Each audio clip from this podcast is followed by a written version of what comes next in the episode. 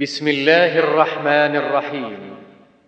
الحمد لله والصلاة والسلام على رسول الله. مكتب الشيخ عبد الكريم الخضير العلمي بالتعاون مع تسجيلات الراية الإسلامية يقدم شرح الآج الرمية في النحو لفضيلة الشيخ الدكتور عبد الكريم بن عبد الله الخضير. حفظه الله.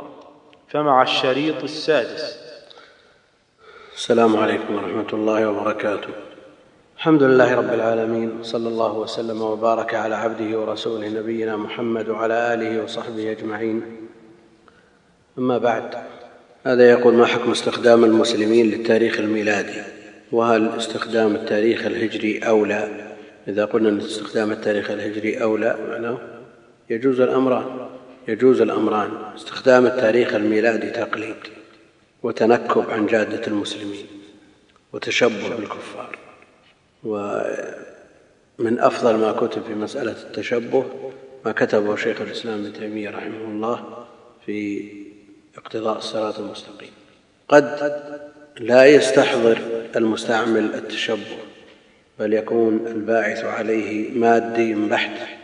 بعض الشركات يقول لا أقصد التشبه بالكفار لكن يتوفر لي في السنة عشرة أيام زائدة أستفيد منها في أجور العمال وفي مد العمل أكثر من التاريخ الهجري لا شك أن هذه مخالفة لكن هي أسهل على كل حال ممن يريد التشبه ويقلد الكفار حتى في أخص أحوال المسلمين ما يتميزون به المنظور إليه عند المسلمين.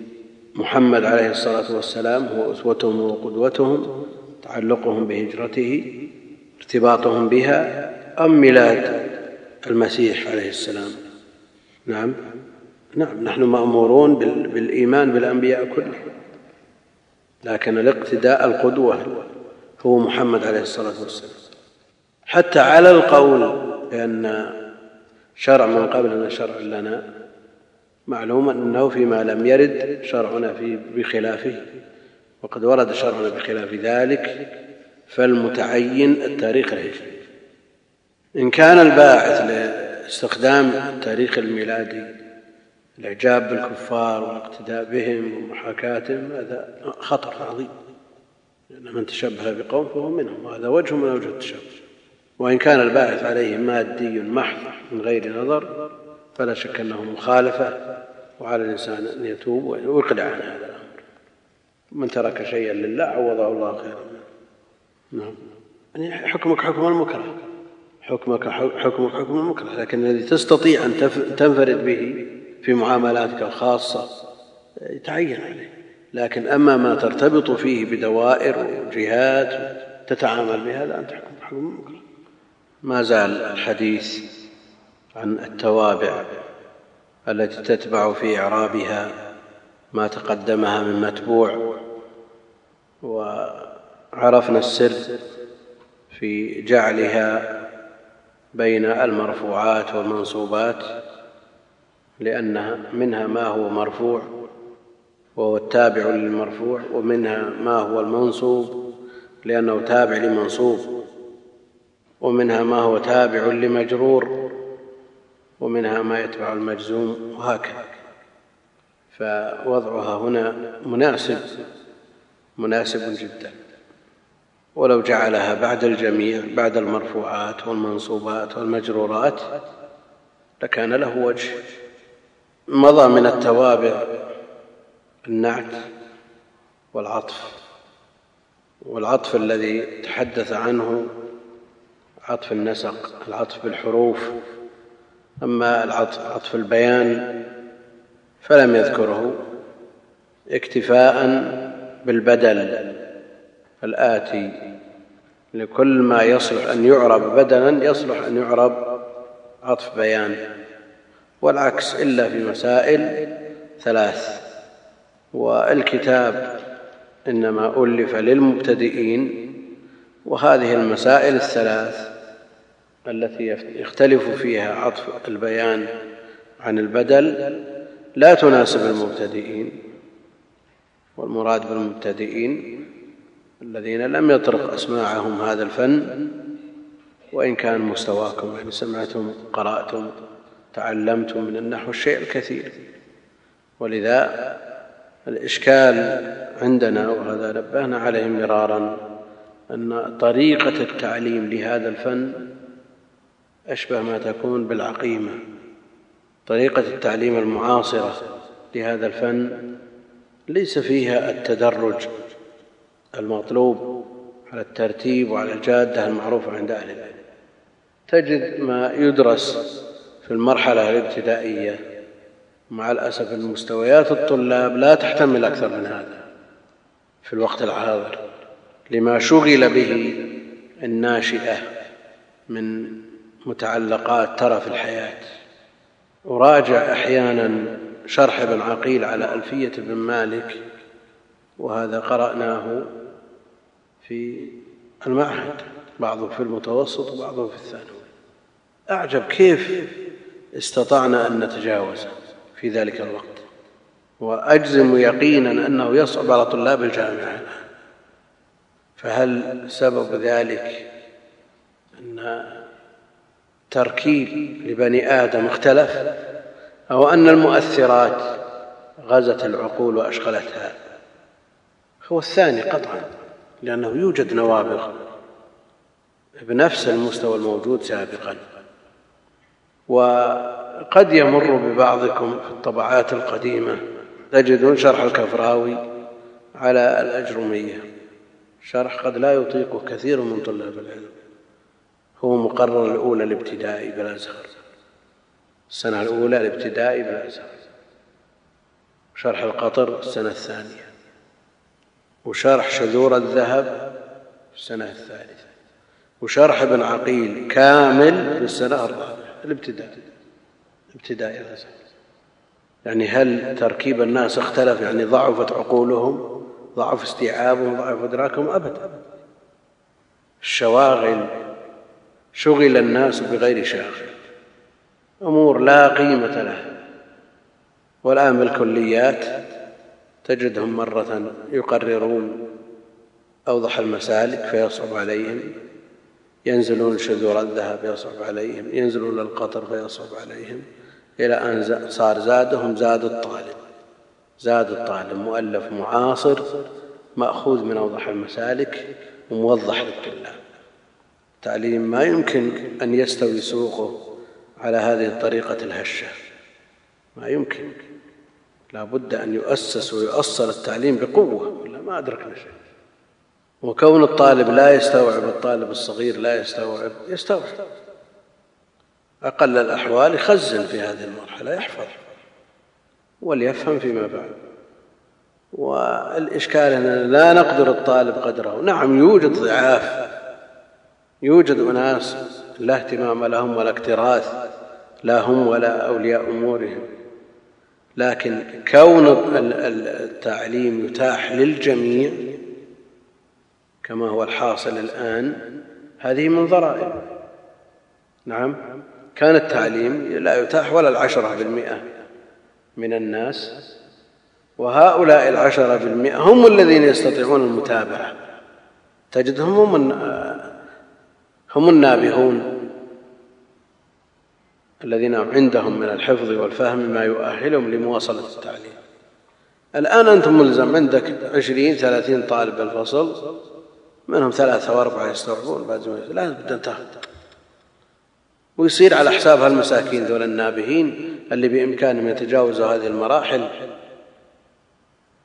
ببساطة.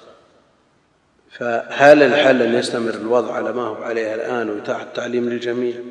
أو يقال لا يتجا لا يقبل في التعليم إلا من حصل درجة كذا من الفهم والإدراك والحفظ؟ لا هذا ولا هذا. لا وتصنيف الناس على مستويات بعد فيه ما فيه في مشقة. يعني لو هناك اختبارات لمن أراد أن يدخل هذه المرحلة أو يكون هناك مراحل تجريبية لمستويات الطلاب. ولا مانع أن تختصر المدة لمن اتصف بالحفظ والفهم والحزم. يعني بدلا من تكون المرحله الابتدائيه ست سنوات للجميع تصير أربع للمتميزين. المتوسط بدل ما يب ثلاث للجميع صار ثنتين والثانوي كذلك. وش المعنى فإذا جرب الطالب سنة سنتين في الابتدائي وعرف مستواه يمكن أن ينقل إلى المرحلة المناسبة له.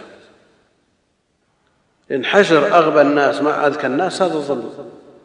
ظلم هذا لأن المدرس بيلاحظ هالمسكين الغبي ويصير على حساب الذكي. ولا بد أن يمضي من المدة ست عشرة سنة.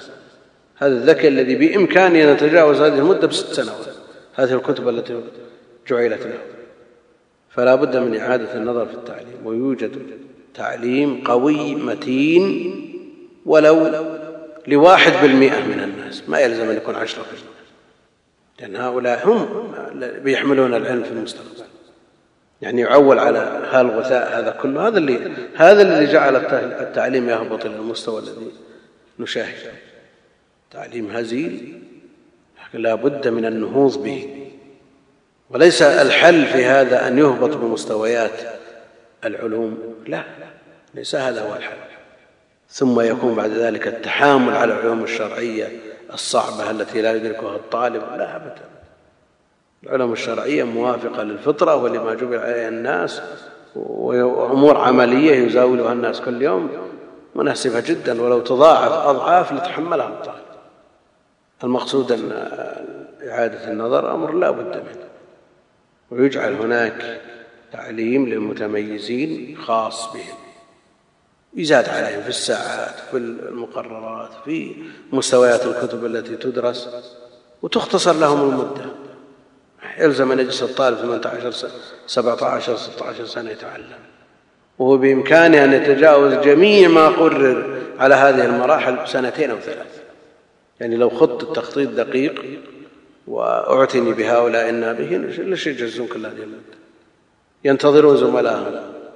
هل لي ما شاء الله المتردية والنطيحه لذلك الحلول تطرح.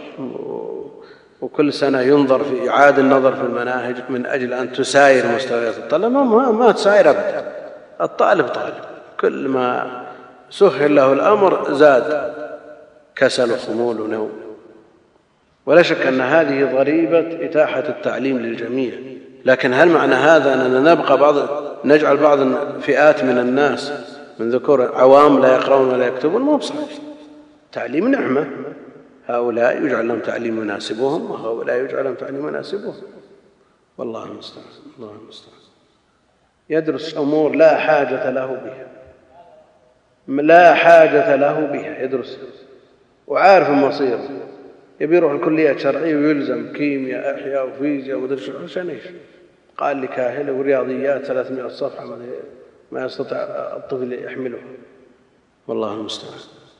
نقول مثل هذه الأمور لا بد من معالجتها. معالجة صحيحة بحيث يتاح التعليم للجميع ويصنف الناس. نعم ما يمكن تصنيف الطفل تجيبه بست سنوات وبمستوى كذا. يمكن لا تكتشفه في أول الأمر. خليه يدرس سنة سنتين. وبعد ذلك يكتشف. إذا عرف المستوى رد يخلى مع التعليم العام اللي للناس كلها وخفف عليه. زد في التخفيف عليه. خليه يطلع يقرأ ويكتب ويستفيد من من هذه الحياة. لكن إذا وجدت طالب نابه يمكن أن ينفع الأمة سواء كان في أمور دينها أو في دنياها أمور الدنيا لا تهمل. أو قال تهمل أمور الدنيا. هي الزاد المبلغ للآخرة فلا بد من العناية بها وما يمنع أنهم يدخلون جميع وتحدد مستوياتهم من خلال سنة أو سنتين ثم بعد ذلك يقال هؤلاء النابهين لمستواهم فئة ألف هؤلاء يختصر لهم التعليم. يصير بدل ما هو 16 سنة يمكن يصير ثمان سنوات. أربع سنتين وسنتين وينتهي. وهؤلاء الضعاف يبقى على ما هو عليه ويزاد لهم التسهيل لا يعقدون بعد. لكن ينظر خريج هذه المدرسة أو هذا المستوى يعامل معاملة خاصة إذا انتهى وهذا له معاملة تخص وتناسب. نعم؟ نعم. أنا أقول مثل هؤلاء تلاحظ أمورهم. كم أنا بحاجة إلى عالم يحل مشاكل الناس ويفتيهم وينور طريقهم وسبيلهم. كم الأمة بحاجة؟ أعتني بهذا القدر بل أزيد عليه. ولذلك يفتي كثير من أهل العلم. بأنه لا يجوز البقاء في البلد الذي ليس فيه عالم يفتيه. فالعناية بهذا الباب أمر لا بد منه. وعلى على أي شيء يجعل طالب متميز حافظة نابغة يجلس عشرين سنة يدرس علشان يتخرج. على طريقة يتخرج طالب علم ما يتخرج عالم. لكن إذا أعتني بهم وصنفوا وجعلوا فئات لا بد منه لا بد منه. لكن ننهض بالتعليم. التعليم الآن مستوى مثل ما تشوفون طلاب الجامعة لو قال إنهم يعادلون طلاب الابتدائي سابقا ما هو بعيد. صحيح؟ أنا طالعت كتاب إملاء شيش جواب أهل العلم والإيمان لشيخ الإسلام. يعني تصور طالب جامعة يحسن التعامل مع هذا الكتاب. كتاب فيه صعوبة. نظرت التاريخ الذي اقتنيته به فإذا في رمضان سنة 88 أنا في ثاني متوسط. العمر 14 سنة. يعني هل يتطاول على هذا طالب ثانوي؟ ما يمكن. ولا طالب جامعة. طالب الجامعة المتميز منهم يمكن لكن وش معنى هذا؟ كانوا يأخذون مدرسين من خامس ابتدائي. أخذوا قضاة من المعاهد العلمية. المعنى هذا عقول الناس ضعفت. ما ضعفت عقول الناس. لكن لا بد من العناية بهذا الأمر ولا مانع من يقبل الناس كافة في الصف الأول الابتدائي والثاني يميزون هذا والله طالب متميز ليش ليش, ليش أحشره مع هذا الطالب الغربي ظلم لهذا ولهذا. ظلم للجميع. هذه مواهب من الله جل وعلا. ما هي بنهاية. ولا يمكن أن تشترى وتباع في الأسواق. ما يمكن. تجد المسكين هذا أهله تعبوا وراءه ما حصل شيء. لأن المقررات فوق مستوى. وهذا يلعب ليل نهار. ومع ذلك على ما عنده من مواهب يتخرج.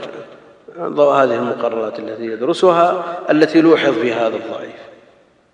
فلا بد من من إعادة النظر. الله المستعان على معنى صحيح وهدف صحيح. الآن لو أي طالب يقرأ في الكفراوي ما يمر مثال إلا ويعرفه لا يمر مثال إلا ويعرفه نفعل هذا أحيانا لكن الإعراب حقيقة من أراد إعراب الأجرمية كل حرف منها معرب في الكفراوي فليت عندنا طلاب يتجاوبون يقرؤون قبل الحضور. أنا أسأل عن إعراب ما حد يجاوب إلا القليل النادر مشكلة بتسأل ناس ما عندهم استعداد. ما ينفع. ما ينفع أبدا. لابد من الإعداد والاستعداد قبل الحضور. وبقي الآن من التوابع التوكيد والبدل. التوكيد والبدل. نعم. الحمد لله رب العالمين. صلى الله وسلم على نبينا محمد وعلى آله وصحبه أجمعين. قال المؤلف رحمه الله تعالى باب التوكيد. التوكيد تابع للمؤكد. التوكيد بالواو ويقال بالهمز التأكيد وبالألف. يعني الهمزة المسهلة يكون التأكيد وهي لغات أفصحها الواو ثم الهمز ثم الألف. يعني مثل ما تقول التأريخ التأريخ وهذا هو الأصل.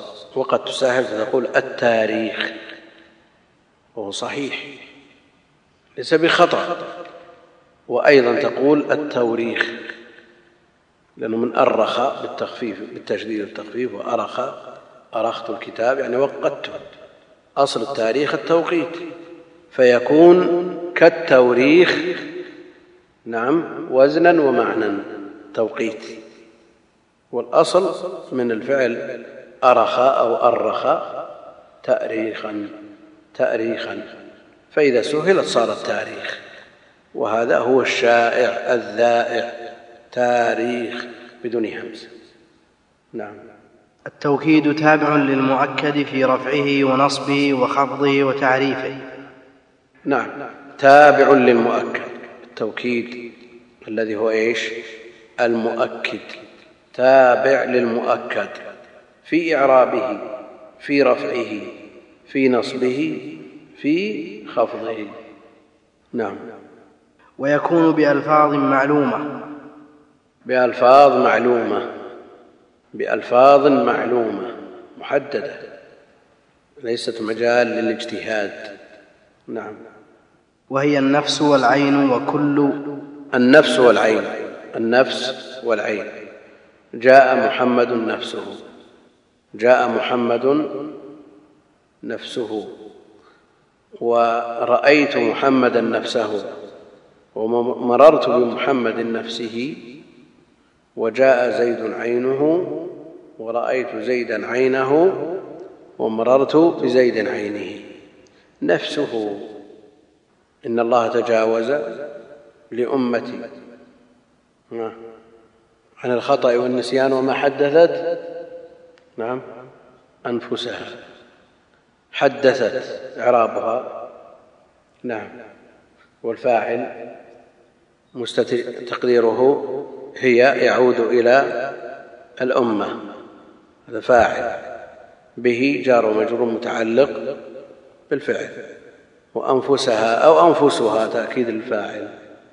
هل هي تأكيد للفاعل فنقول أنفسها يعني الأمة أو هو مفعول فالنفس هي المحدثة فنقول أنفسها.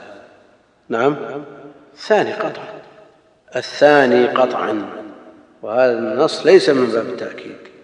طيب جاء زيد عينه وإن كان هذا سابق لأوانه. جاء زيد عينه. لماذا لا يكون بدل بعض من كل. يعني إذا قلت أكلت الرغيف نفسه بدل بعض من كل. جاء زيد نفسه لماذا لا يكون بدل بعض من كل؟ جاء زيد عينه لماذا لا يكون بدل بعض من كل؟ ها؟ لماذا؟ لا يمكن أن تأتي. لا يمكن أن تأتي. لكن نصف الرغيف يمكن يوكل نعم. إذا قلت جاء زيد نفسه. بدل بعض من كل معنى والجائي النفس بمفردها يمكن تجي؟ نعم. ما يمكن تجي. جاء زيد عينه. إذا كان المقصود بالحكم البدل فهل العين تأتي بمفردها؟ نعم. لا يمكن. لا يتصور مجيئها. إذن هذا تأكيد وليس بدل بعض من كل. نعم.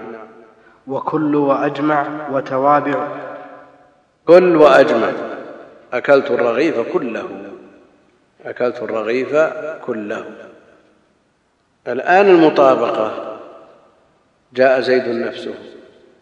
أقول لا بد من اشتمال التأكيد على ضمير يعود إلى المؤكد.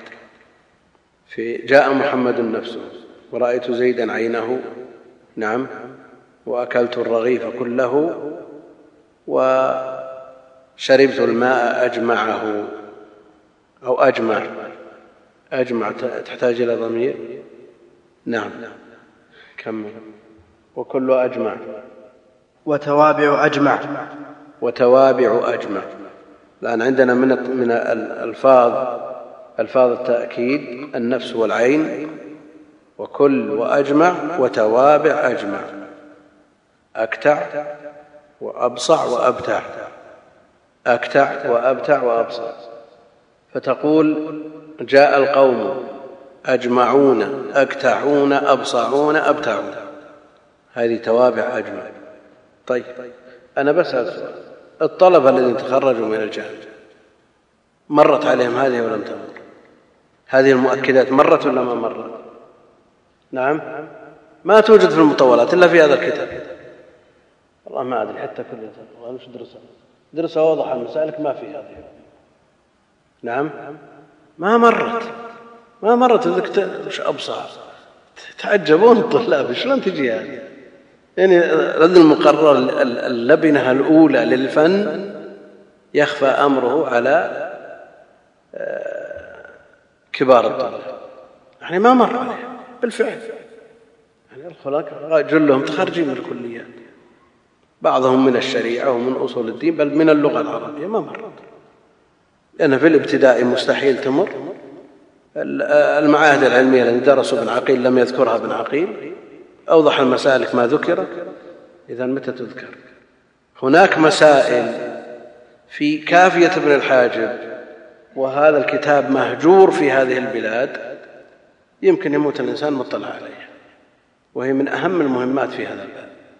الكافية التي لها من الشروح المئات يعني رزقت قبول في جميع الأقطار حتى صار بعض أهل العلم متخصص في تدريسها لا يدرس غيرها في أي علم من العلوم.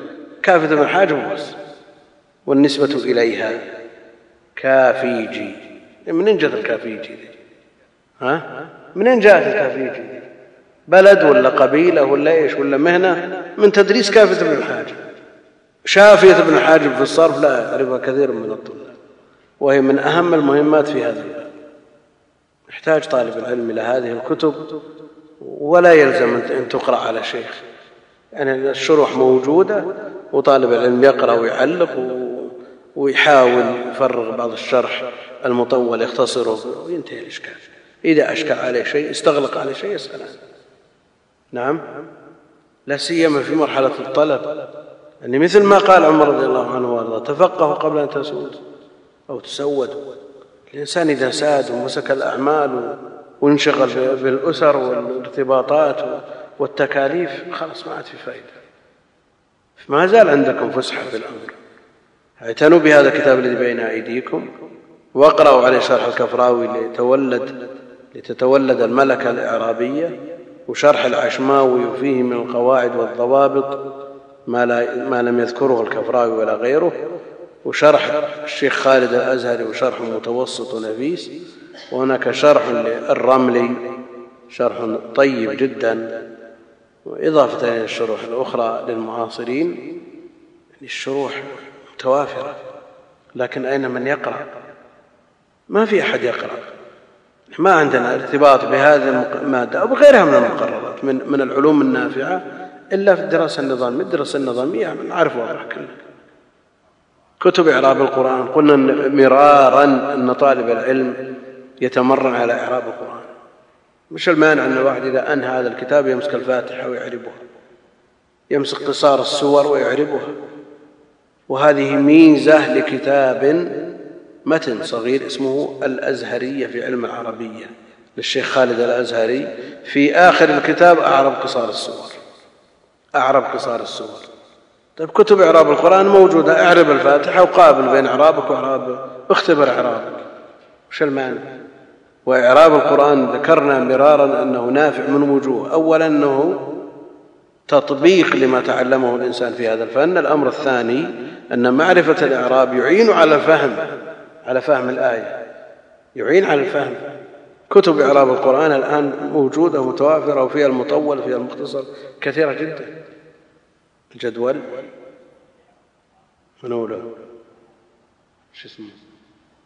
محمود صافي. هذا خمسة عشر مجلد. وفي إعراب القرآن وبيانه محي الدين درويش هذا شامي. أنا عندي هو أرجح من من الجدول. في كتب كثيرة في إعراب القرآن لكن من من أحسنها من أكثرها تفصيلا من أراد أن يتطاول على البحر المحيط لأبي حيان نعم أو الدر المصون للسمين الحلبي مطبوع في أحد عشر مجلدا هذا فيه من الإعراب الشيء الكثير. كتب التفاسير تعنى بالإعراب لكن الإعراب التفصيلي هو موجود في إعراب القرآن وبيانه لمحي الدين درويش أيضا الصافي له عناية وفي تفصيل. لكن هذاك أرجح عندي. الدر المصون متخصص في الإعراب. البحر المحيط هذا تفسير ويولي الإعراب عناية فائقة. عناية فائقة. أبو حيان إمام. نعم. ذكرنا فيما مضى أنه ذكر في كلمة أف المكونة من حرفين. كم ضبط ذكر فيها؟ أربعين ضبط لهذه الكلمة المكونة من حرفين. فالكتب موجودة لكن تقول هل من قارئ؟ ابتلي كثير من الناس في مكتباتهم بالأرض التي تأكله. عقوبة لأن الأرض ابتلاء من الله جل وعلا. كأنها تقول لسان حالها يقول اقرأوا وإلا قرأت. كتب اللي ما تقرأ تروح. صحيح. كم من إنسان نكب في مكتبته؟ والله المستعان. نعم. ما يمكن كتاب يقرأ فيه ما, ما تجي نعم. وتوابع أجمع وهي أكتع وأبتع وأبصع.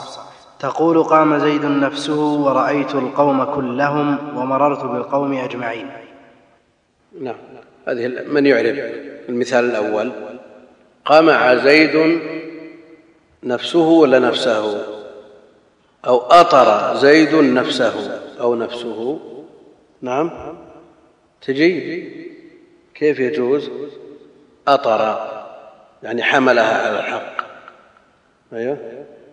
مفعول به مثل ما حدثت به أنفسها إن ننظر إلى المعنى الذي سيق من أجل هذا الكلام. نعم. فالإعراب تابع للمعاني. الإعراب تابع للمعاني. المثال الثاني. نعم. إيش؟ أي رأيت رأى في الماضي. طيب. جيد. طيب. توكيد للقوم توكيد المنصوب منصوب مثل. كل مضاف. نعم. الآن التوكيد. هل التوكيد يكون للمعرفة ولا للنكرة؟ نعم. في تعريفه. ألا يمكن تعريف النكرة؟ النكرة كانت محدودة أو غير محدودة؟ هل تقول صمت شهرا كله؟ أو لا يمكن؟ أو التأكيد خاص بالمعارف. لأن جميع ألفاظ التوكيد معارف. والمعارف لا تؤكد النكرة. إذا صمت شهرا كله. تجي ولا ما تجي؟ عند البصريين ما تجي أبدا. لكن يجيزها الكوفي نعم. مثاله من شواهد العربية. ها؟ الذي يقول يا ليتني كنت صبيا مرضعا. تحملني الذلفاء حولا أكتع. يعني حول كامل. حولا. هذا نكرة. لكنه محدود معلوم الطرفين.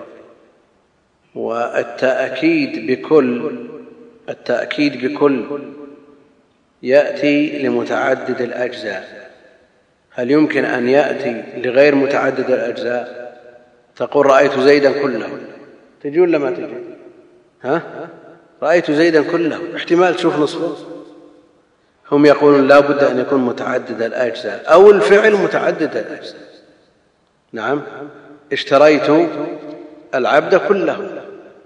نعم. لأن الفعل يتجزأ. يمكن تشتري نصفه وتشتري ربعه.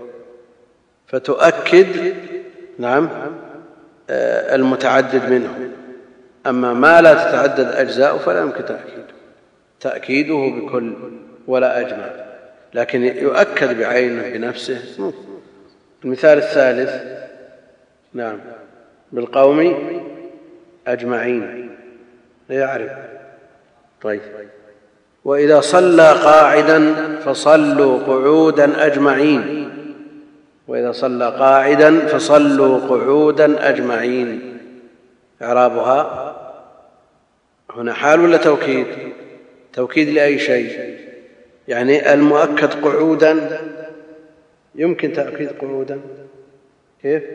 أولا من طبيعة الحال أنه لا بد أن يكون نكرة نعم لا بد أن يكون نكرة فكيف تؤكد النكرة؟ هو يقول يوافقه في تعريفه من أول الأمر. نعم. فتوكيد لأي شيء؟ لأنه يروى أجمعين ويروى أجمعون. نعم. لا لا لا إذا كان نصب هو حال. حال حال النصب على الحالين. حال وحال أيضا. حال بعد حال. كلها أحوال.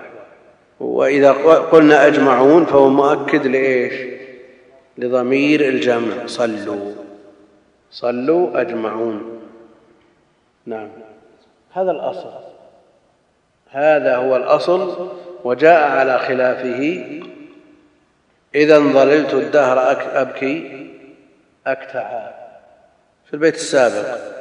قل يا ليتني كنت صبيا مرضعا. تحملني الذلفاء حول أكتعا نعم.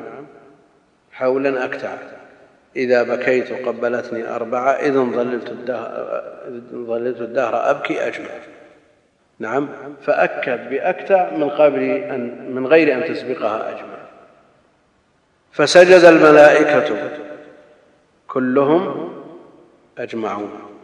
فسجد الملائكة كلهم أجمعون. هذا هو الأصل. لكن يمكن أن يؤكد بأجمعين من غير أن يسبقها كل مثل ما تقدم في الحديث. نعم. لأغوينهم أجمعين فبعزتك لأغوينهم أجمعين. فيجوز التأكيد بكل وبدونها والتأكيد أيضا الأصل فيه بالتوابع بعد المتبوع الذي هو أجمع وقد تنفك عنه. لكن الأصل أن تسبق بأجمع. نعم. توكيد لفظي ومعنوي لفظي ومعنوي. الذي ذكرناه معنوي. والتأكيد اللفظي تكرار اللفظ. تكرار اللفظ. فتقول زيد زيد قام. أو قام قام زيد. نعم. قام قام زيد. وتؤكد أيضا الحرف لا لا. تؤكد نعم نعم. هذه كلها تأكيد آه، لفظي. وفيه احبسي احبسي. في أمثلة كثيرة على التأكيد اللفظي. أتاك أتاك اللاحقون احبسي احبسي. أتاك أتاك اللاحقون احبسي احبسي. طيب. الله أكبر الله أكبر في الأذان. تأكيد ولا مو بتأكيد؟ تأكيد؟ تأكيد لفظي. تأكيد. يعني هل قولنا الله أكبر الله أكبر؟ مثل قولنا قد قامت الصلاة قد قامت الصلاة. وقول الرجل لزوجته طالق طالق طالق. هل يستوي معناها فيما إذا أراد التكرار أو أراد التوكيد؟ نعم. إذا الله أكبر الله أكبر. هل يريد تأكيد الجملة الأولى أو يريد إنشاء تكبير جديد؟ نعم. لكي يحصل على أجره لأنه إذا أكد هو ما يريد إلا مرة واحدة والثانية تأكيد من باب التأكيد على ما تقدم. فالله أكبر الله أكبر لا شك أنه إنشاء لذكر جديد وليس من باب التوكيد. أما قد قامت الصلاة قد قامت الصلاة تأكيد نعم. إما الفائدة من قولنا قد قامت الصلاة هل يتعبد بها أو من أجل أن ينادى أو يؤذن الحاضر بإقامة الصلاة. إذا كان قصد هذا لماذا لم نقولها مرة واحدة وتكفي؟ نؤكد. هذا تأكيد بلا شك. طيب. التأكيد اللفظي. يأتي باللفظ نفسه ويأتي بالمرادف. فتقول قام نعم ما تجد قعد جلس زيد. هذا تأكيد بالمعنى. وإذا قلت نافع ثقة ثقة. نعم. هل هو مثل ما لو قلت نافع ثقة فقط أو ثقة ثقة أقوى؟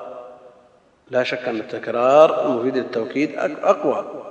وكذا لو قلت ثلاث مرات أقوى من مرتين إلى أن وصل الحد بهم إلى أن قال تسع مرات. ثقة ثقة ثقة إلى تسع مرات. ويمكن بعد ما وقف إلا انقطع أنفسه كما يقول أهل العلم. ها؟ اني نسيت تسع مرات والله ما أدري الشعبي يمكن.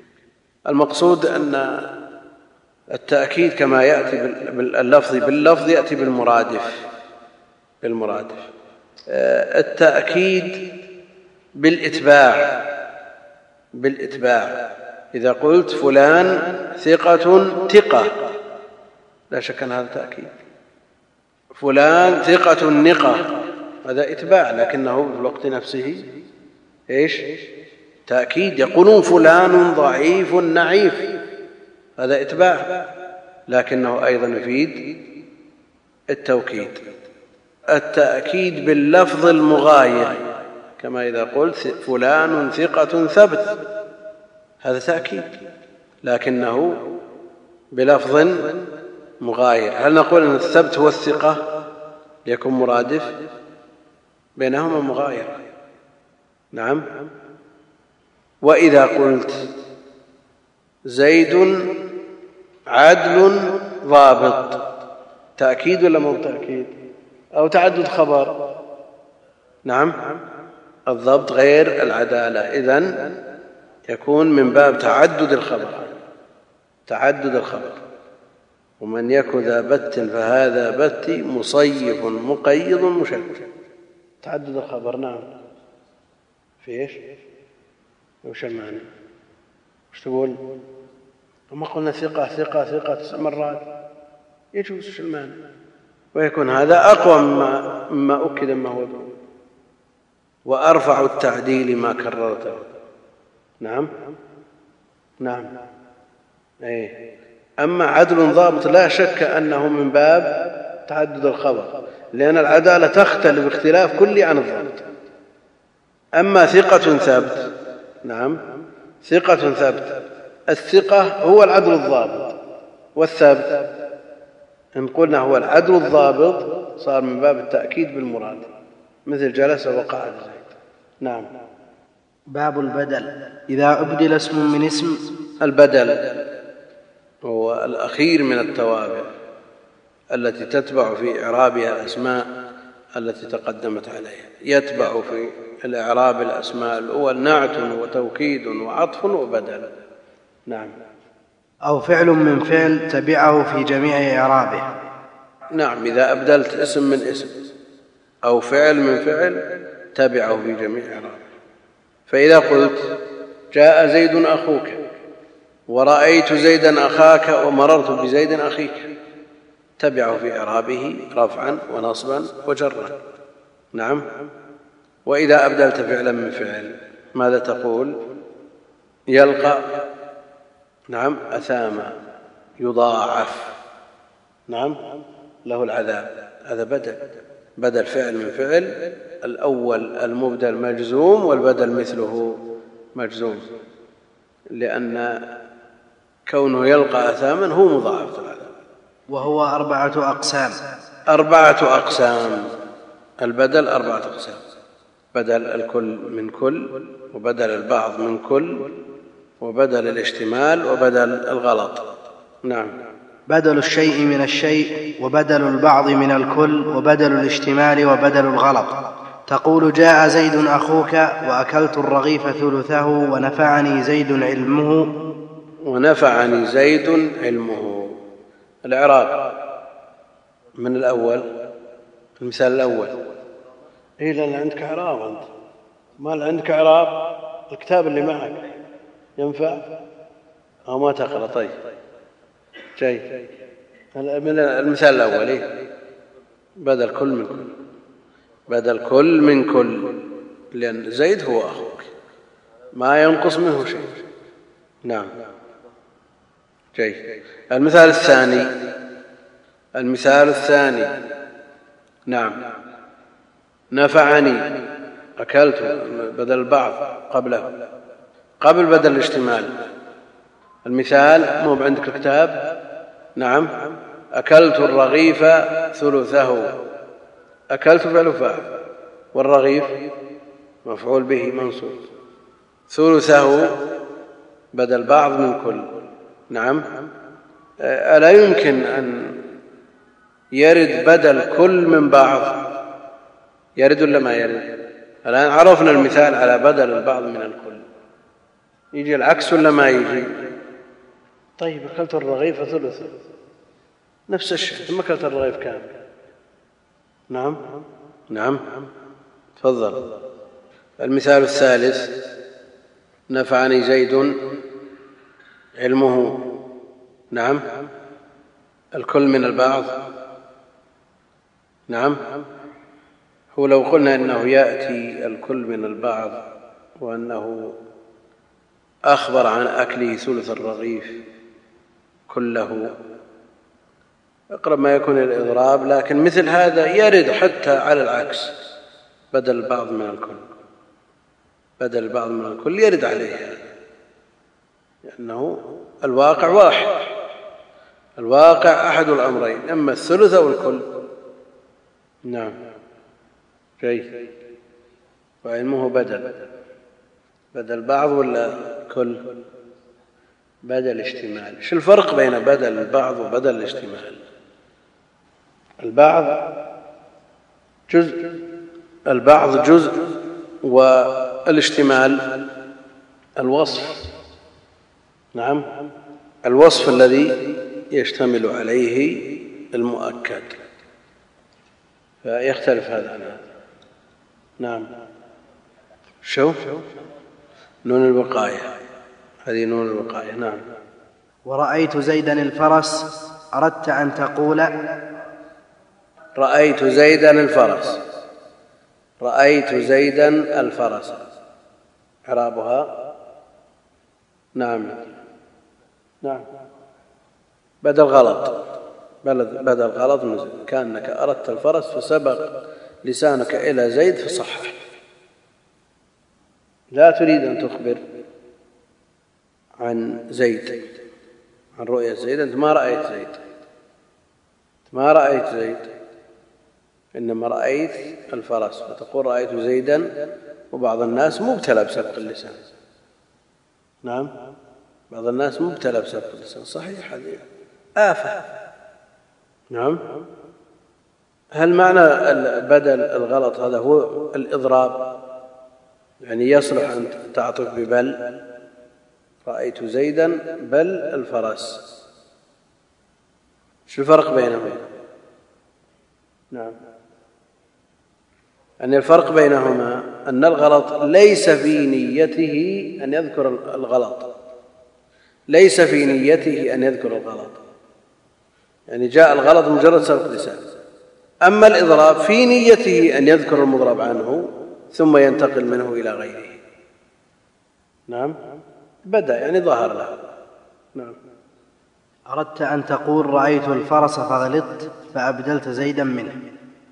الفرق كل ما يصلح أن يكون بدل يصلح أن يكون عطف بيان والعكس إلا في المسائل التي نص عليها. صالح لبدلية يرى في غير نحو يا غلام يعمر وغير بشر تابع البكري ثلاث مسائل ذكر راجع لها الألفية وشروح وإذا أشكل شيء جيد إيه جزاك الله خير. يقول شخص ارتكب معصية وكان مغضبا فأنصحه نعم ارتكب معصية ينكر عليه بالأسلوب المناسب المحقق للمصلحة الذي لا يترتب عليه مفسده فإذا ارتكب المعصية فينصح يبين له أن هذا حرام وأنه معرض نفسه لعقوبة الله جل وعلا. لكن إذا كان غضبه قد يحمله على أن ينطق بما هو أعظم من ذلك كلمة كفر مثلا مثل هذا يترك حتى يهدى يقول ما تعليقكم على هذا الكلام من رأيي أن نتعلم لمحاربة القوم بما يفهمون في الإعلامية في التكنولوجيا نتبقى في ديننا أيضا. الأصل أن المسلم خلق لعبادة الله جل وعلا وما خلقت الجن والإنس إلا ليعبدون. فإذا احتاج إلى أمر من الأمور النافعة في الدنيا فلا مانع أن يتعلمها على أن لا تكون على حساب الدين.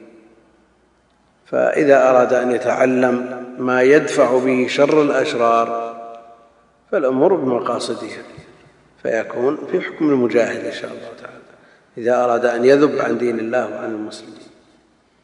يقول أنا أعجمي أحب أن أتعلم العربية. ما هي الطريقة الم... إيش؟ السهلة لتعليم اللغة العربية؟ مع أني أسكن في أوروبا والحمد لله متمسك بدين الإسلام وبأي كتب اللغة العربية. ما فيه يعني بداية لتعلم العربية والمقصود بها بالدرجة الأولى النحو مثل هذا الكتاب الصغير الجرمية. كتاب على صغر حجمه حوى ما لم يحوه غيره من المختصرات بل يوجد فيه ما لا يوجد في المطولات أحيانا.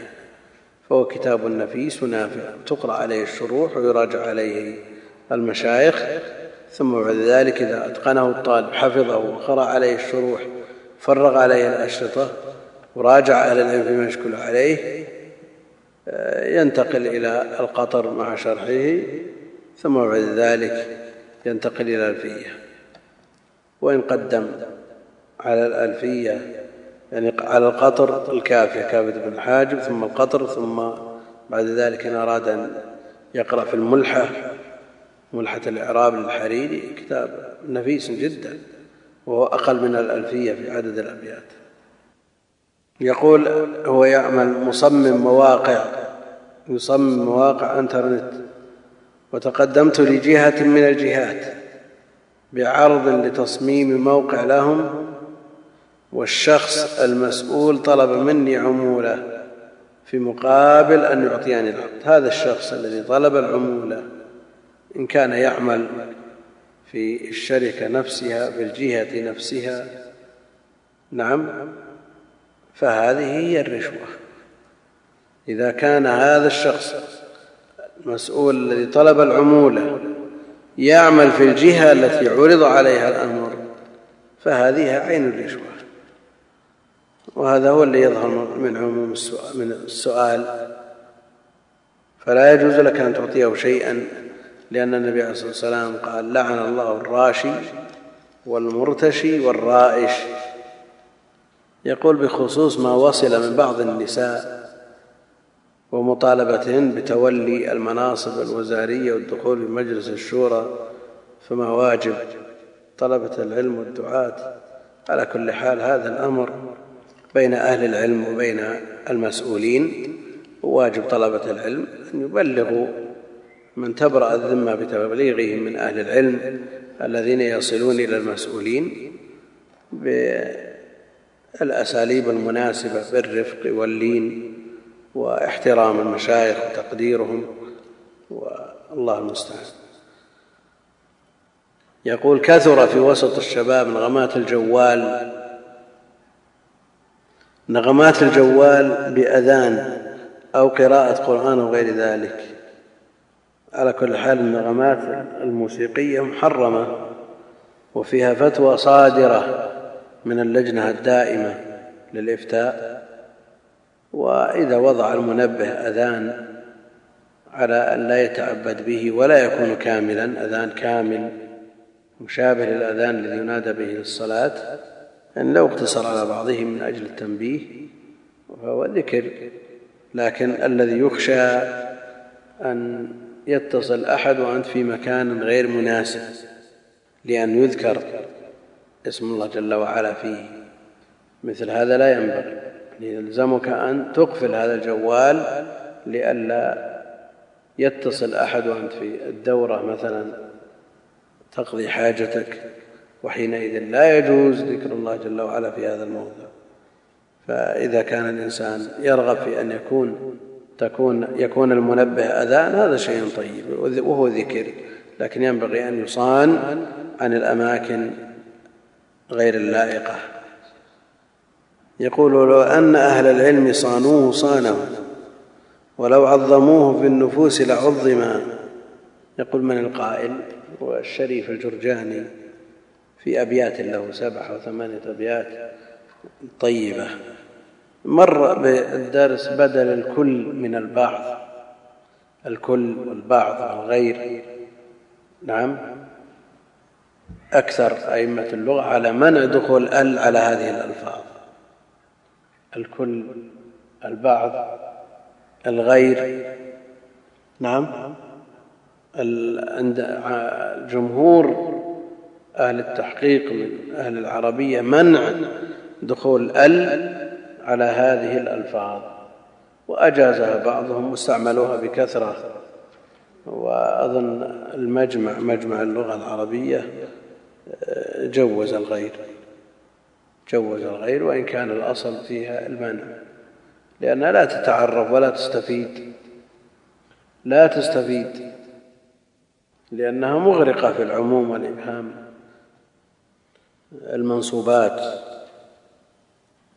التي عددها المؤلف بعد أن أجملها رقما ونذكرها تفصيلا؟ كم عدتها؟ خمسة عشر. وتفصيلها أربعة عشر. ترك واحدا. وهذا الواحد مفعول ظنا نعم. المنصوب على نزع الخافض اللهم صل على الشراح كلامهم طويل في تكملة العدة. منهم من أدرج بعض الأنواع في بعض وفرق توابع الأربعة والأمر سهل. وكل مراد المؤلف بذكر العدة إجمالا لكي يضبط الطالب حفظه. فإذا نقص شيئا راجع نفسه كما أشرنا سابقا.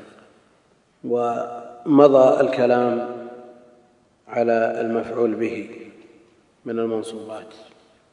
يليه المصدر الذي هو المفعول المطلق.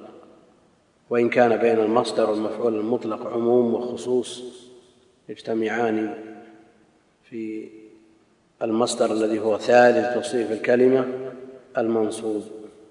ويفترقان في المصدر ثالث تصاريف الكلمة المرفوع وهو مصدر وليس بمفعول مطلق.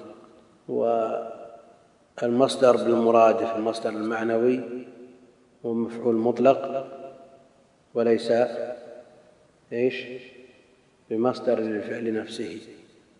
عند من يقول بأنه منصوب بنفس الفعل والذي يقول إنه منصوب بفعل مقدر يرد هذا الكلام.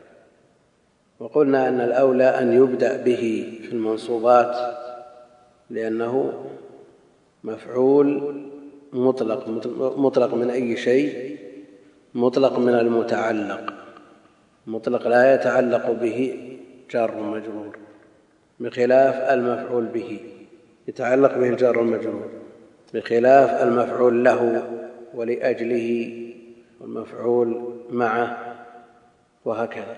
سم. باب المصدر. المصدر هو الاسم المنصوب الذي يجيء ثالثا في تصريف الفعل. المصدر هو الاسم المنصوب. هو الاسم المنصوب. وهل كل مصدر منصوب؟ يعجبني ضربك زيدا. نعم. هذا إيش؟ مصدر لكنه مرفوع. هو الاسم المنصوب. كيف منصوب؟ والمصدر يأتي مرفوع. وعجبت من ضربك زيدا. يأتي مجرور وهو أيضا كما ذكر يأتي منصوب. فالإيراد على قوله الاسم المنصوب مصدر المصدر الصريح اسم والمصدر المؤول من أن وما تدخل عليه من الأفعال ليس باسم. يعجبني أن تضرب زيدا أن وما دخلت عليه في تأويل مصدر. هل نستطيع أن نقول إن هذا اسم؟ نعم. ليس باسم. وإن كان مؤولا بالمصدر. الاسم المنصوب يرد على قوله المنصوب أنه قد يأتي مرفوع وقد يأتي مجرور. مصدر. المفعول المطلق يأتي مجرور ولا مرفوع؟ ودائما منصوب. منصوب دائما منصوب. ولذا يقولون الاولى أن يكون العنوان إيش؟ المفعول المطلق لكي يطابق التفصيل الإجمال الداخل في المنصوبات. يرد أيضا على قوله المنصوب إن هذا حكم وإدخال الحكم في الحد منتقد كما تقدم مرارا. فالانتقاد في هذه اللفظة من وجهين أن المصدر قد يأتي منصوب وقد يأتي غير منصوب والأمر الثاني أنه إدخال للحكم في الحد وهذا منتقد.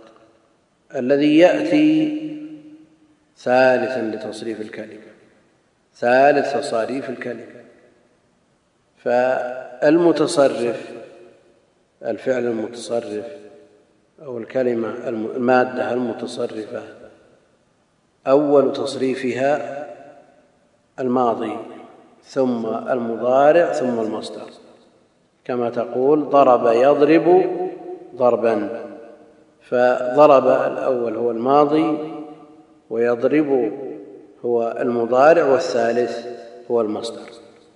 ضرب يضرب ضربا. أكل يأكل اكلا. نعم.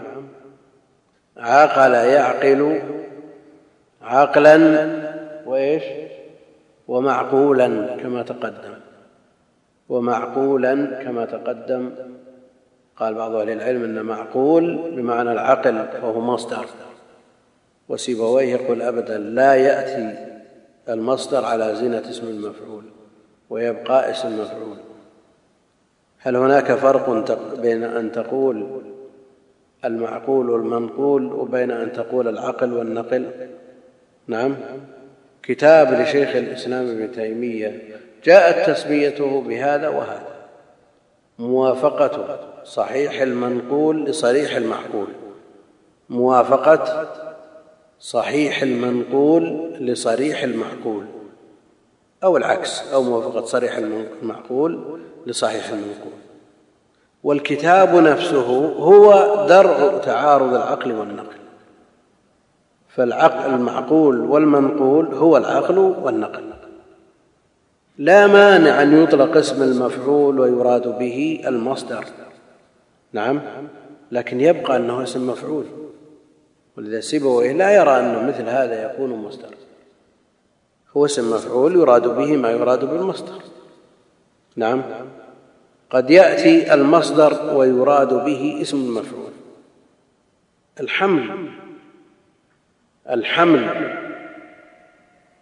حملت المرأة تحمل إيش؟ حملا. هذا المصدر يراد به اسم المفعول المحمول في بطنها في أحشائها في جوفها. نعم. لكن يبقى أن الحمل مصدر وإن أريد به اسم اسم المفعول. حجابا مستورا. هذا وش يصير؟ مستور. اسم مفعول لكن يراد به اسم الفاعل. ساتر. يراد به اسم الفاعل. وهكذا. يبقى الوزن على ما هو عليه ويطلق عليه ما يستحقه في زينته وإن أريد به غير ذلك. ظاهر ولا ما ظاهر؟ يأتي ثالثا في تصاريف الكلمة. الآن عندكم فعل ومصدر. فعل ومصدر. أيهما الأصل؟ عندكم ضرب يضرب ضربا فهل المصدر الأول أو الثالث؟ نعم على الخلاف المعروف بين البصريين والكوفيين. عند الكوفيين الأصل الفعل والمصدر مشتق منه. وعلى هذا بناء المواد في كتب اللغة. نعم. المواد في كتب اللغة مبدأها من أول تصاريف الكلمة الذي هو الماضي. نعم ما يبدأون من أصل المادة الذي هو المصدر. وعند عرفنا مذهب الكوفيين أن الأصل هو الفعل ومذهب البصريين هو المصدر هو الأصل. هو الذي يرجحه ابن مالك بمثله أو فعل أو وصف نصب وكونه أصلا لهذين انتخب يعني رجح كونه هو الأصل للفعل والمشتق. لماذا لا يكون ما دام هو الأصل هو الأول في تصاريف الكلمة؟ لماذا لا يكون هو الأول في تصاريف الكلمة؟ نعم. تقول الضرب هذا الأصل. أصل الكلمة الضرب. يشتق منه ضرب يضرب ضارب ومضروب. نعم. ما هو الأصل أن الأصل يقدم على فروعه. نعم. مراعاة الزمن. ها. مراعاة الوزن ظاهرة. وهم جروا على هذا. يبدأون بالماضي ثم المضارع ثم المصدر. لكن لا شك أن المصدر غير مقترن بزمن. بين الفعل مقترن بزمن مضى أو زمن حاضر أو مستقبل. تعتريه أحد الأزمنة الثلاثة. لكن كونه لا يلاحظ فيه الزمن عن المصدر هل هذا يقتضي تأخيره أو تقديمه؟ نعم. نعم تقديم. وكونه أصلا لهذين انتخب يعني هو المنتخب هو المرجح هو الراجح يعني مذهب البصريين أرجح مذهب الكوفيين. لماذا؟ يقولون لأن الفرع يشتمل على الأصل وزيادة. الفرع لا بد أن يشتمل على الأصل وزيادة. إذا جئنا إلى الحقائق الألفاظ بحقائقها الثلاث الشرعية واللغوية والعرفية.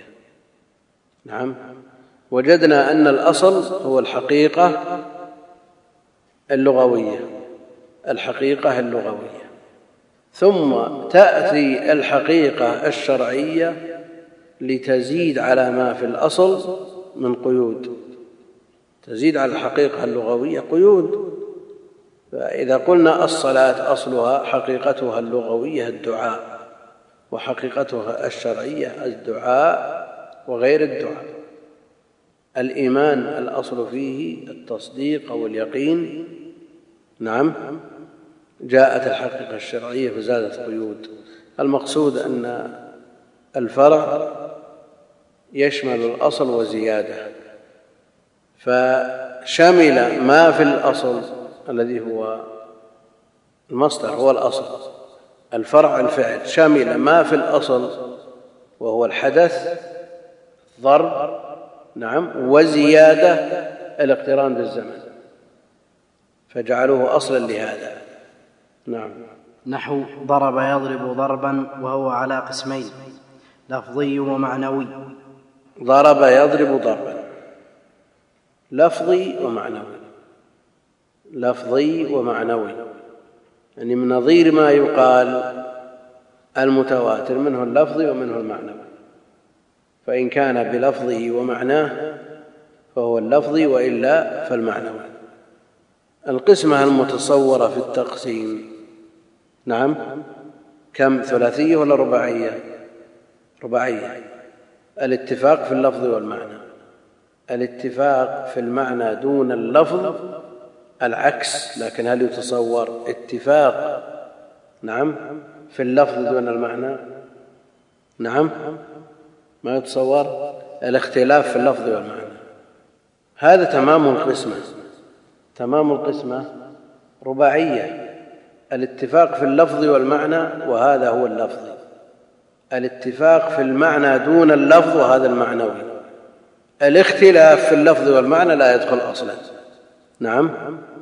الاختلاف في المعنى دون اللفظ نعم قد لا يتصور. لو تأتي بجملة مطابقة لجملة أخرى بحروفها مع اختلاف المعنى يصير ولا ما يصير؟ لا أنا أريد كلام محبوك من جملة أو جمل يتفق لفظه نعم. يتفق لفظه ويختلف معناه. وإلا فالمتفق لفظا المفترق معنى موجود.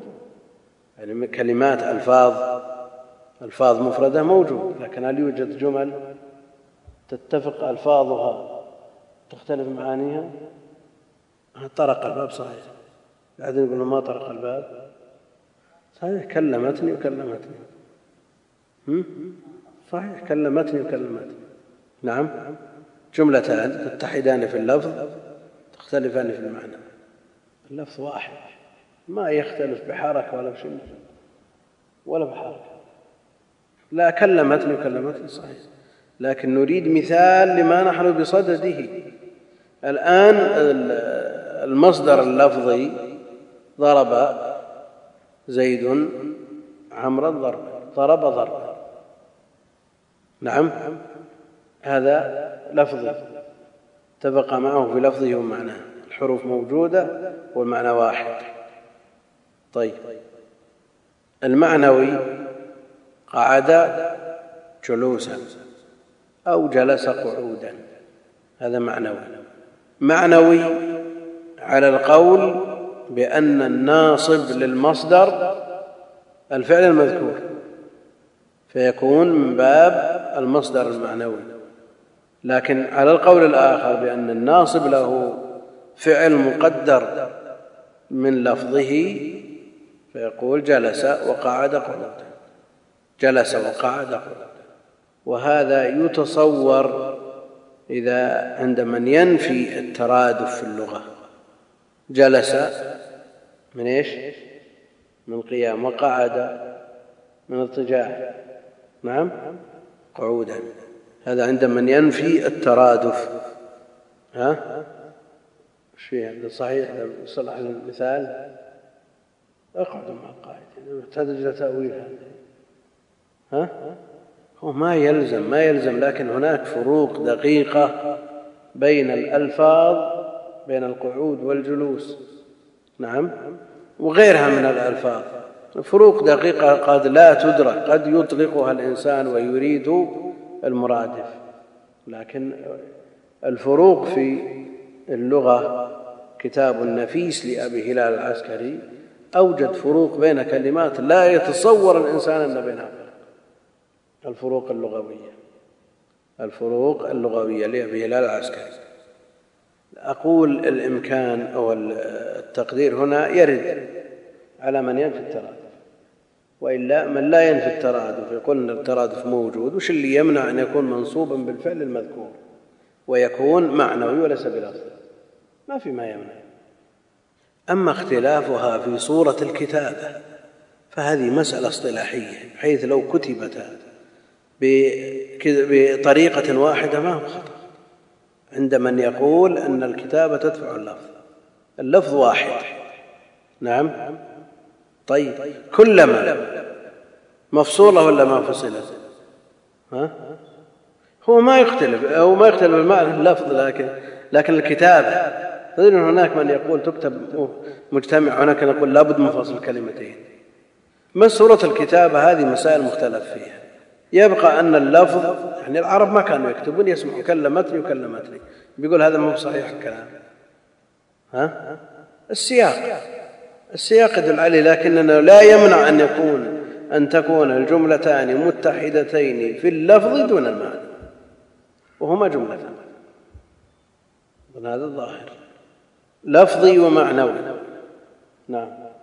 فإن وافق لفظه لفظ فعله فهو لفظي نحو قتلته قتلا وإن وافق معنى فعله قتلته؟ قتلا. طيب. هذا لو وافق. قتل يقتل قتلا. ويستوي في ذلك ما إذا كان ساكن الوسط أو متحرك الوسط. قتلا ساكن. فرح يفرح فرحا. فرح يفرح فرحا. هذا لفظي. وإن تحرك وسطه والأول أيضا لفظي وإن سكن, سكن وسطه. لكن افرح الجذل افرح الجذل نعم الجذل هو الفرح. لفظي ولا معنوي؟ ماذا معنوي. نعم.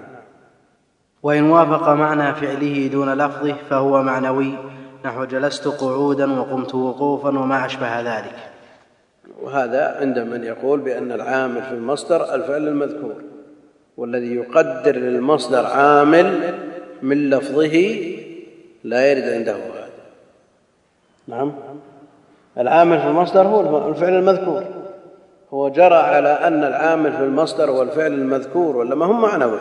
إذا قدرنا فعل من لفظه جلست قعودا جلست وقعدت قعودا أو قمت ووقفت وقوفا ما صار معنى صار لفظ نعم. باب ظرف الزمان وظرف المكان. الآن ما الذي تحرر في الفرق بين المصدر والمفعول المطلق؟ قلنا أن بينهما عموما وخصوص مطلق أو وجهي. نعم. وجهي ولا مطلق؟ يعني هل كل مصدر مفعول مطلق أو هل كل مفعول مطلق مصدر أو يجتمعان في شيء ويفترقان في شيء؟ نعم. إذا المصدر منه المرفوع والمنصوب والمجرور والمفعول المطلق منصوب باضطراد. نعم. يجتمعان في المصدر المنصوب. المصدر المنصوب مفعول مطلق لكن المصدر المرفوع والمجرور مصادر وليست مفاعيل. المصدر ما ينوب عن المفعول المطلق. نعم. ضربته كل الضرب أو بعض الضرب أو ضربته عشرين سوطا نعم. هذه إيش؟ تجي مصادر؟ لا. تدخل المفعول المطلق ولا تدخل المصادر. المقصود أن بين بينهما عموما وخصوصا وجهيا. نعم. باب ظرف الزمان وظرف المكان. ظرف الزمان هو اسم الزمان المنصوب بتقدير في الظرف هو الوعاء. الظرف هو الوعاء. هذا بالأصل. ولذا يقولون في تعريف الآنية الآنية عند أهل العلم تعريفها الظروف والأوعية الظروف والأوعية. وهذا مما تتفق فيه الحقائق الثلاث الإناء حقيقته اللغوية الوعاء حقيقته الشرعية هو الوعاء حقيقته العرفية هو الوعاء تجتمع فيه الحقائق الثلاث لغة وشرعا وعرفا الوعاء. فالظرف هو الوعاء. وينقسم الظرف إلى قسمين ظرف زمان وظرف مكان. ظرف زمان وظرف مكان. ويسمى المفعول فيه. المفعول فيه. وفي هذه هي الدالة على الظرفية. الدالة على الظرفية. نعم. ظرف الزمان هو اسم الزمان المنصوب بتقدير في نحو اليوم والليلة وغدوة و... بس. نحو اليوم والليلة. اليوم والليلة. ظرف الزمان ما تضمن معنى فيه. مما دل على الزمن نحو اليوم والليلة. حكمه النصب. حكمه النصب. قدمت اليوم. بالطراد حكمه النصب. مضطرد ولا غير مضطرد؟ نعم. اليوم أكملت لكم. نعم. لكن إذا قلت يوم الجمعة يوم مبارك. نعم. صار مبتدأ وخبر. يوم الجمعة يوم مبارك. هذا ليس بظرف نعم؟ نعم هو خرج بتقدير فيه. طيب من حج فلم يرفث ولم يفسق رجع من ذنوبه إيش؟ كيوم كيوم ولدته أمه. لماذا؟ مبني على الفتح. في محل جر. نعم. في محل جر. لماذا بني؟ ما نقول كيوم. إيش المانع من من جره؟ نعم. لأنه أضيف إلى جملة صدرها مبني. صح؟ أضيف إلى جملة صدرها مبني. فيبنى على الفتح. وهو في محل جر. نعم. وغدوة وبكرة اليوم والليلة وغدوة غدوة وبكرة. وعشية. هذه كلها ظروف زمان سواء كانت محصورة أو غير محصورة. سواء كانت محصورة أو غير محصورة. فاليوم محصور. من إيش؟ من طلوع الفجر إلى غروب الشمس. والليل من غروب الشمس إلى طلوع الفجر. فإذا قلت صمت يوما أو صمت يوم الجمعة. نعم. واعتكفت ليلة أو اعتكفت ليلة الجمعة ماذا نقول عن يوم وليلة؟ سواء أضيف أو لم يضاف منصوب ولا ما منصوب؟ منصوب على إيش؟ على الظرفية لأنه بتقدير في عشية عرفة. نعم. ينزل الرب جل وعلا عشية عرفة. نعم. هذا ظرف لأنه بتقدير فيه. نعم. وبكرة وسحرا وغدا. بكرة سحرا أصيلا عشيا. نعم. سحرا وغدا. إذا أريد سحر يوم بعينه أو أطلق متى يكون ظرف؟ إذا قلت آتيك سحر يوم الجمعة. أو آتيك سحرا. من غير تحديد. نعم. كلاهما ظرف هو إذا سلم من الجار. نعم. أو لم يقع مسندا أو مسند إليه. نعم. فإنه منصوب. إذا قلت سحر يوم الجمعة سحر مبارك. وعشية عشية يوم عرفة عشية فاضلة. نعم. تختلف لأنك لم تقدر فيه. نعم. وعتمة وصباحا ومساء. عتمة. العتمة متى تكون؟ وقت العشاء. نعم. وقت العشاء. نعم. وصباحا ومساء وأبدا وأمدا وحينا. وأبدا. صباحا ومساء مثل ما تقدم. بكرة وأصيلا وعشية وغدوة. نعم. وأبدا مثاله خالدين فيها وهذا التأبيد هل معناه قل هذا التأبيد؟ هل مقتضاه أن لا ينخرم فيستمر إلى ما لا نهاية ولن يتمنوه أبدا؟ معنى تمنوه ولا ما تمنوه؟ فماذا قالوا؟ ليقضي علينا ربك. نعم؟ وأمدا. نعم. أمد. الأبد بدون تحديد والأمد له نهاية. له نهاية لكنها غير محددة. فإذا حلف ألا يزور زيدا أبدا. حلف ألا يزور زيدا أبدا. أو حلف ألا يزوره أمدا. نعم. فإذا قال حلف ألا يزور زيدا أبدا يحنث إذا زاره وإذا حلف ألا يزوره أمدا ينتظر أمد مدة ثم يزوره. نعم. نعم. ما في خروج. ما هم منها بمخرجين. خالدين لكن لن يتمنوه أبدا. عندك لن لن. منهم من يرى أنها تقتضي النفي المؤبد ولو لم يقترن بها أبدا. منهم من يقتضي أنها للنفي المؤبد ولو لم تقترن بلفظ التأبيد. لن يخلقوا ذبابا. هذا فيه احتمال يخلقوا ذباب في المستقبل؟ ما في احتمال. أبدا. أبدا نعم لكن يقول بهذا الزمخشري وأمثاله. من أجل قوله جل وعلا لن تراني. نعم وينفي الرؤية. رؤية المؤمنين لربهم يوم القيامة.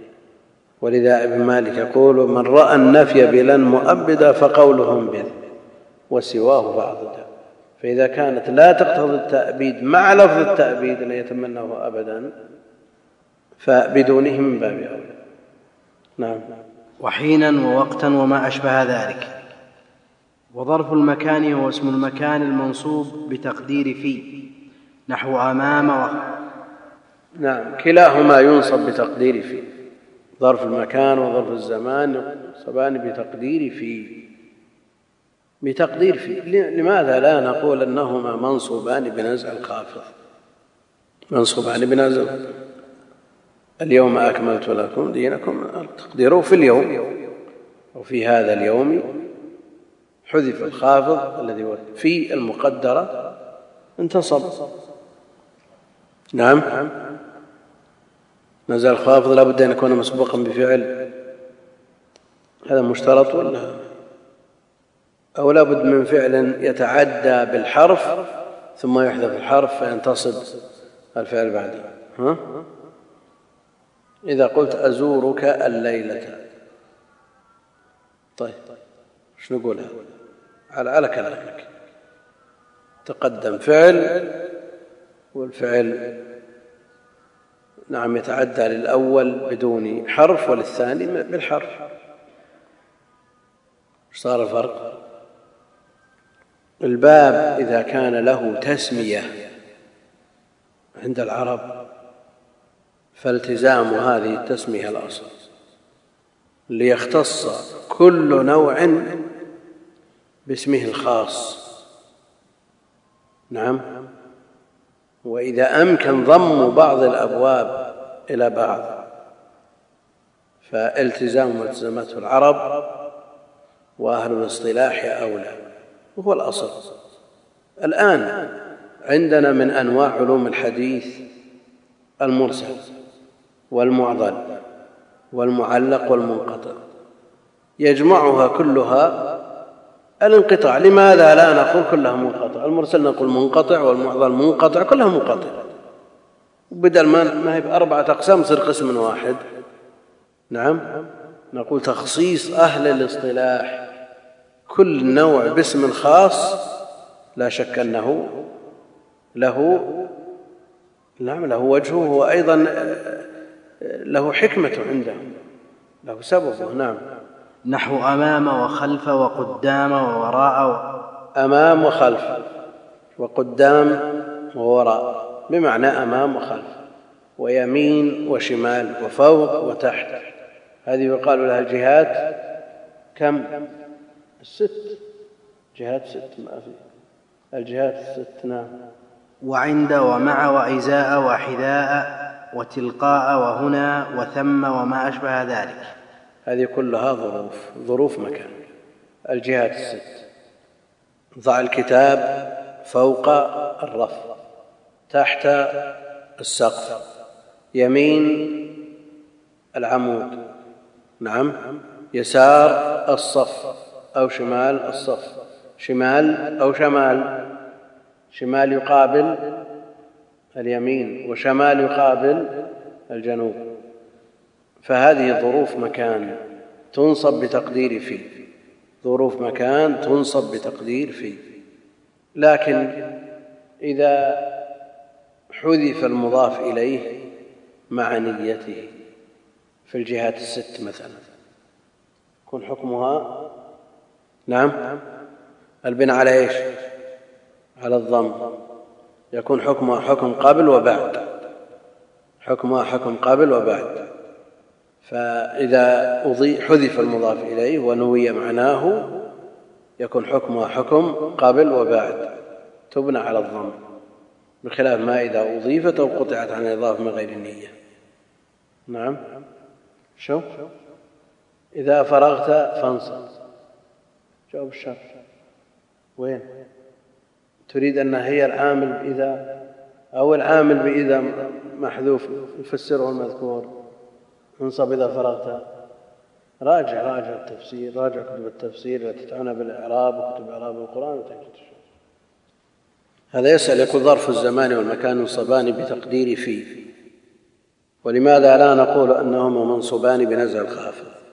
أقول لهما تسمية عند العرب والعلماء أعربوهما بالنصب على الظرفية وتخصيص كل باب باسم خاص أولى من دمج الأبواب بعضها في بعض.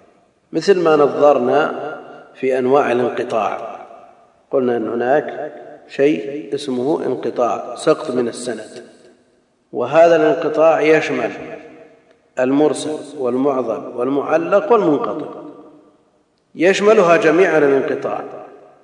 المرسل منقطع المعضل منقطع. المعلق منقطع المنقطع الذي خصوه بهذا الاسم منقطع وهو ما عدا ما ذكر.